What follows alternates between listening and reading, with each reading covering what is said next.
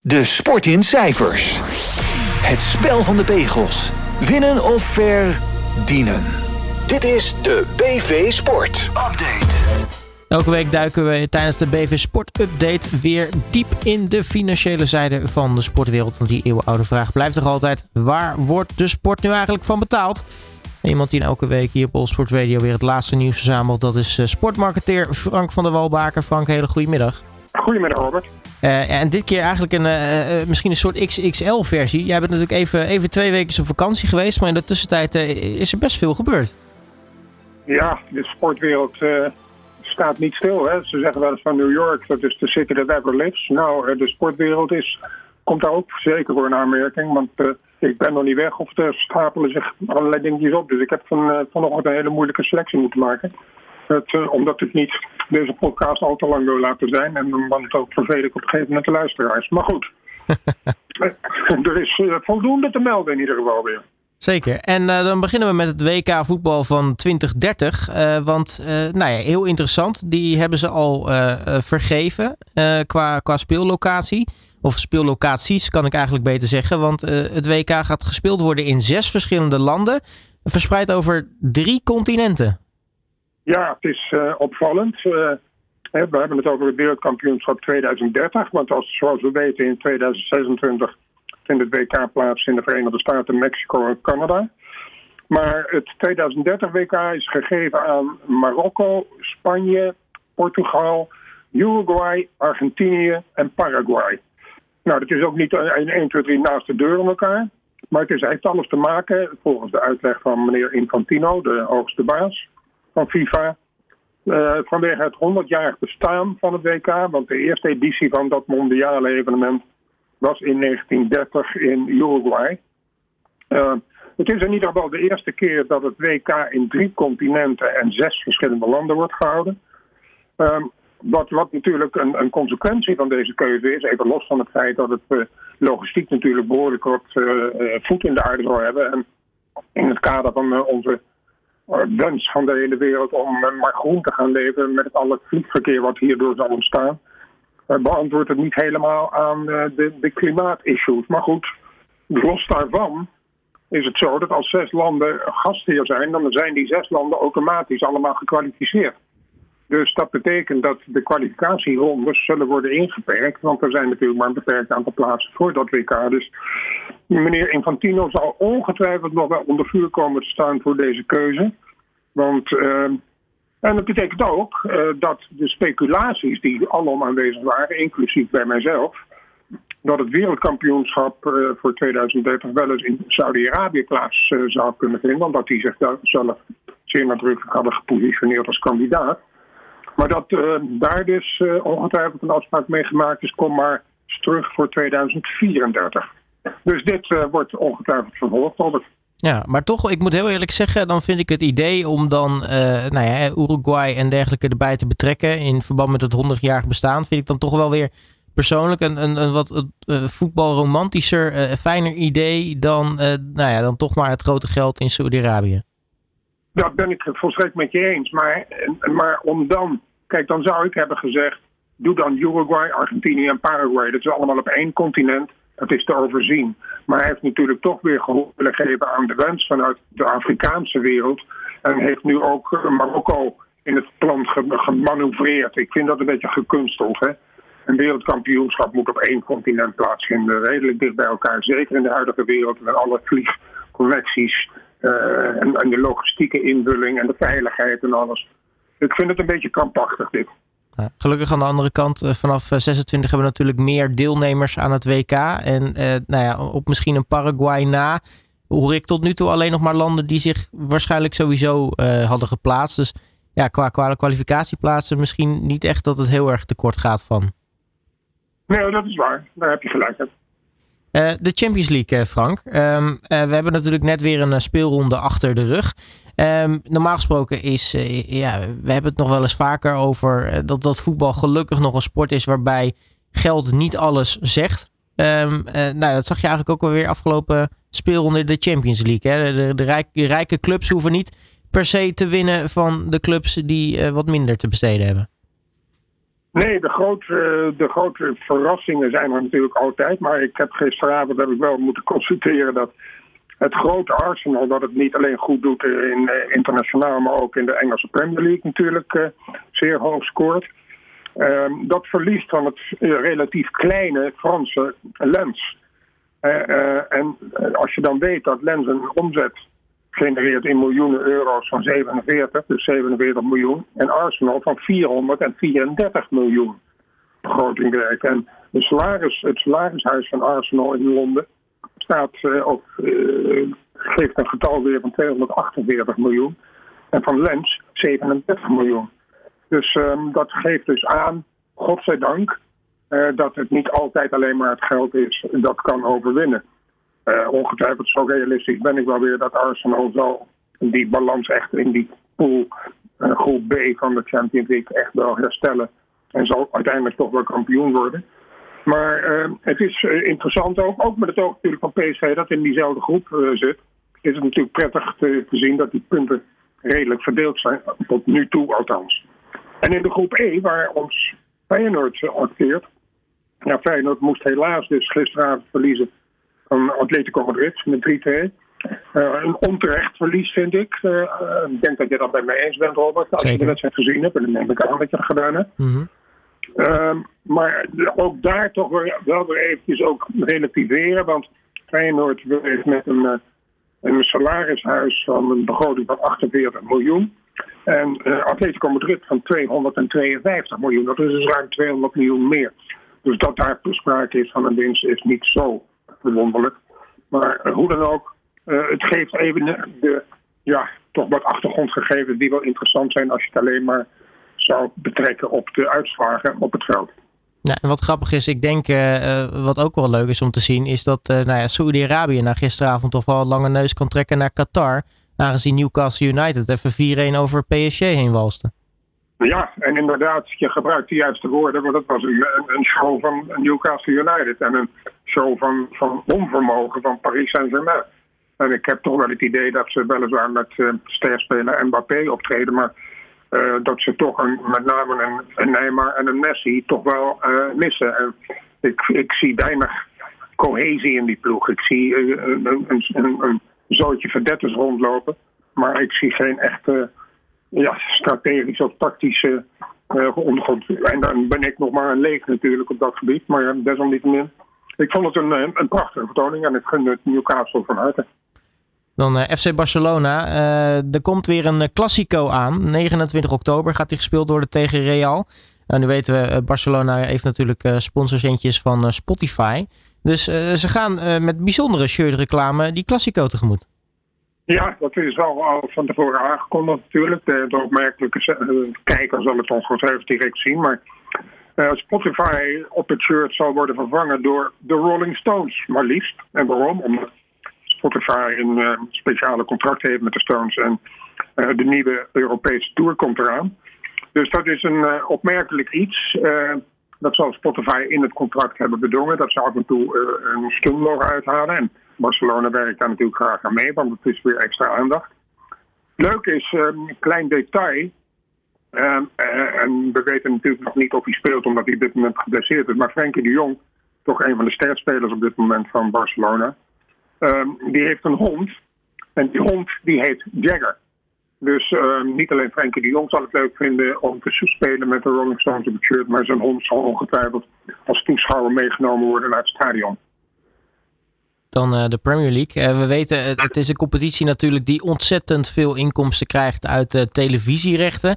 en het blijkt maar andermaal hoe populair die Premier League is. Want het, het Franse Canal Plus, die heeft een exclusief contract getekend voor 300 miljoen. Ja, het is om maar even weer aan te geven hoe gewild en hoe geliefd die rechten van de, Britse Premier League zijn. Dat Franse Canal Plus ehm, heeft de exclusieve live rechten voor, verworven. Dus voor alle 380 wedstrijden in de Premier League competitie per seizoen. Dus niet alleen voor Frankrijk overigens, maar ook voor Zwitserland, Tsjechië en Slowakije. En voor vier jaar voor een bedrag van 300 miljoen. Uh, het is dus geen rocket science om nou te voorspellen dat de totale buitenlandrechten weer in de miljarden gaan lopen. Uh, en als, je dat optelt bij de miljarden die de Premier League afvangt voor de binnenlandrechten, kunnen we concluderen dat het gat tussen de Engelse Premier League en de Europese competities alleen maar groter worden. Of groter wordt. En daar gekoppeld kan je dan de voorspelling uitspreken die redelijk reëel is. Dat uh, als daar nog meer geld beschikbaar komt, zullen nog meer spelers ook de overstap maken naar, uh, vanuit het Europese vasteland naar het, de Britse competitie. Als ze niet al worden verleid door competities als de Pro League in Saudi-Arabië. We hebben het eigenlijk elke week wel over clubs die in de verkoop staan. Of nou ja, misschien verkocht gaan worden. Een aantal bijzondere namen passeren dan de revue. Eigenlijk ook nu weer, want Tottenham Hotspur schijnt te koop te zijn. Ja, we hadden het net al over die Premier League. Dat die natuurlijk alleen, maar groter en groter wordt. En hoe lang om je belangstelling heeft van over de hele wereld. En inderdaad, we weten dat er veel clubs in Engeland zijn verkocht of in de verkoop staan. Maar daar is nu bijgekomen de Londense club Tottenham Hotspur. Dus toch een van de oudste en het meest gerenommeerde clubs in, het, in het Verenigd Koninkrijk. Er ligt een officiële overnamebod op tafel van 3,7 miljard dollar. Dat is niet eens, vind ik, erg hoog. Als we weten dat Chelsea in de tijd verkocht is voor 4,5 miljard. Uh, en nog niet zo lang geleden. Maar goed, het bod, het bod wordt geleid door de Iranese miljardair uh, Jaan Najavi, ik hoop dat ik het goed uitspreek, uh, en zou worden gesteund voor 30% door een Abu Dhabi fonds. Maar daar zit ongetwijfeld ook voldoende geld, dus dat, zal, dat, bod zal wel officieel zijn. Uh, de Londense club is overigens eigendom van de Lewis-familie voor 83%. Maar meneer Lewis zelf die wordt misschien wel genoodzaakt om de club te verkopen, want hij is in problemen voor het handelen met voorkennis op de Londense beurs. Dus de man zit een beetje in de verdommenishoek op dit moment. En wil een beetje schoon schut maken. En dan zal hij de club verkopen, zal daar misschien bij helpen. Uh, die Iranees Nayafi is chairman van MSS, MSP Sports Capital Group. Dat is weer zo'n investeringsclub. Dat weer meerderheidsaandelen is in de NBA uit Amerika, dus de National Basketball Association. De franchise Phoenix Suns. En hij is tevens mede-investeerder in het Formule 1-team van McLaren. Dus het is geen vreemde meneer in de sport. Die ziet dus mogelijkheden in de sport en die heeft zich nu ook, ook gestort op het voetbal via dat bod op Tottenham Hotspur. Ja, en dat zou geen aflevering van deze BV Sport Update zijn zonder uh, het nog even over de Feyenoord genaamd Manchester United te hebben. Want ook dat uh, blijft maar doorgaan, hè? Ja, de hardnekkige geruchten en de acties van en over de verkoop van uh, de Manchester Club van Manchester United zijn voorlopig in de ijskast gestopt, althans tot ogenschijnlijk. Uh, de Amerikaanse Glazer-familie, en dat is de eigenaar voor 69% van de club, uh, heeft dus de club uit de etalage verwijderd, omdat in hun ogen de waarde jaarlijks toeneemt. Nou, gezien de huidige sportieve resultaten valt dat te betwijfelen. Maar goed, dat is tijdelijk wellicht. Uh, hoe dan ook, zij hebben zelfs al een officiële statement uitgegeven dat de club in 2025 opnieuw op de markt zal komen met een vraagprijs van maar liefst 10 miljard, Europe uh, of, 10 eh, miljard ponden. Nou, de twee potentiële kopers die nog in de markt waren, en dat zijn Sir Jim Radcliffe, de eigenaar van het Ineos-concern, niet onbekend in de sport natuurlijk, en Sheikh Hassim uit Qatar, die hebben beide aangegeven hun interesse te behouden. En Sir Jim meldde bereid te zijn geroepen op genoegen te nemen met een meerderheid van de aandelen. Dus niet het hele pakket, terwijl de Sheikh zegt alleen geïnteresseerd te zijn in 100%.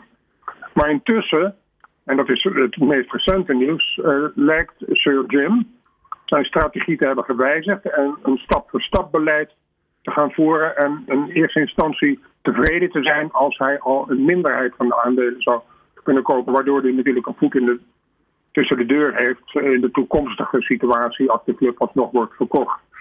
Uh, dus uh, dit is ja, de continuing story over de verkoop van Manchester United. Dat ongetwijfeld wordt vervolgd.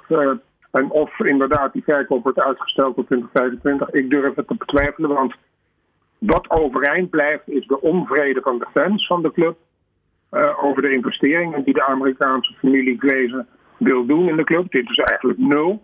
En gezien de huidige resultaten zullen die die geluiden ongetwijfeld weer zeer nadrukkelijk naar voren komen de komende weken. Wilde jij het hebben, Frank, over, uh, nou ja, uh, we het beter omschrijven als misschien de, de, de Russische kwestie in de sport. Uh, we weten dat Rusland of Russische atleten in verschillende sporten geweerd zijn uit, uit internationale deelname sinds de invasie van Oekraïne in 2022. Maar jou is iets, iets, iets, iets opgevallen, misschien, ja, misschien iets hypocrisie, om maar zo te zeggen? Ja, enigszins wel. Het is een korte statement die ik even zou willen maken. Of eigenlijk een korte vraag die ik zou willen stellen. Het, uh, we weten allemaal dat die Russische atleten worden geweerd. Nou, daar kan je het mee eens zijn of niet mee eens zijn. Maar goed, het is een feit. En iedereen heeft dat geaccepteerd. En we gaan door met sportbedrijven. Maar het verbaast mij dan dat ik in de Champions League uh, de club Rode Ster Belgrado zie spelen met op het shirt Gazprom. Nou, ik kan me geen Russischer bedrijf voorstellen dan Gazprom. Dat is eigenaar van de staat, dus dat is eigenaar, eigendom van uh, meneer Poetin. Uh, en de inkomsten van Gazprom, die wereldwijd zijn, uh, die helpen meneer Poetin om zijn oorlog te voeren. Dus ik kan, zou me kunnen voorstellen dat toch een club zegt van ja, laten we voorlopig even niet met Gazprom op het shirt spelen. Maar goed, dat wordt goedgekeurd. dat de club het doet, kan ik me hier en daar nog voorstellen, omdat ze natuurlijk wat geld nodig hebben. En dat zullen ze ongetwijfeld krijgen, want Gazprom is al blij dat ze überhaupt nog ergens iets kunnen laten zien. Maar dat de UEFA, de eigenaar van de Champions League, dat goedkeurt, daar zet ik een vraagteken bij. Ja, nou, het is natuurlijk een uh, Rode Belgrado Servische club. Uh, de Servië heeft zich sowieso als land natuurlijk politiek al uh, soms enigszins goedkeurend opgesteld tegenover Rusland. Zijn natuurlijk zelf nu ook weer bezig met Kosovo. Dus nou ja, ik, ik, ik, ik, kan me ook goed voorstellen dat het ook weer wel weer typisch is dat het uit die hoek komt eh, als het gaat om shirtsponsoring. Dat ben ik met je eens. Uh, aan de andere kant vind ik dat de UEFA daardoor eigenlijk een inconsequent beleid voert. Als de UEFA consequent zou zijn, dan zouden ze zeggen tegen België: oké, jullie hebben hier en daar tonen jullie sympathie voor Rusland, prima. Maar onze regels zijn beweren Rusland. En dat geldt dus ook voor shirtsponsors. Dan uh, Castor. Uh, een kledingmerk wat natuurlijk uh, ontzettend aan de weg aan het timmeren is de laatste tijd. zijn, leek eigenlijk een beetje vanuit het niets te komen. En tekenen ineens de grootste deals met verschillende clubs. maar daar zit gelijk een, een kleine, kleine catch in. Want ze schijnen nu toch wel een klein probleempje te hebben. Ja, het is inderdaad een Brits kledingmerk, Gastor. Het kwam opeens uit de lucht vallen. In ieder geval voor mij en voor velen met mij heb ik begrepen. Uh, opvallend agressief gingen ze te werk om de voetbalmarkt te bestormen. In, in ons land onder andere via Feyenoord, FC Twente en FC Utrecht. Toch ook niet de eerste de beste clubs. Maar het merk heeft een probleem. En met name in thuisland Engeland heeft dat merk flink uitgepakt. En heeft met een van de teams in de Premier League, namelijk Aston Villa, een, een probleem. Het, het, nog jonge contract zou nu worden ontbonden omdat de spelers van Aston Villa klagen over slechte zweetopname door het materiaal. En bovendien dat het, het, shirt een soort wet look, zoals ze het zouden noemen, uh, manifesteert wat niet gewenst zou zijn. Nou, uh, naast Aston Villa heeft ook Newcastle United een contract getekend met Gaston. Ook niet de eerste club, zeker niet nu ze in handen zijn van Saudi-Arabië.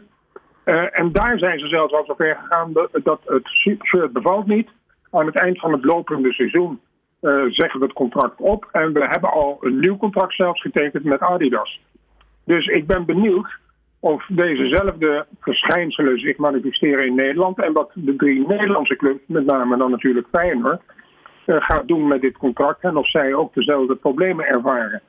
Uh, intussen, ook nogal tegenstrijdig aan dit geheel, uh, vind ik weer het signaal dat Everton deze week heeft bekendgemaakt dat zij op het punt staan een contract te tekenen met Gastor. Nou, ik zou me kunnen voorstellen dat Everton zegt, nou laten we eerst even afwachten wat er gebeurt met die andere contracten en laten we dat shirt eens even goed testen.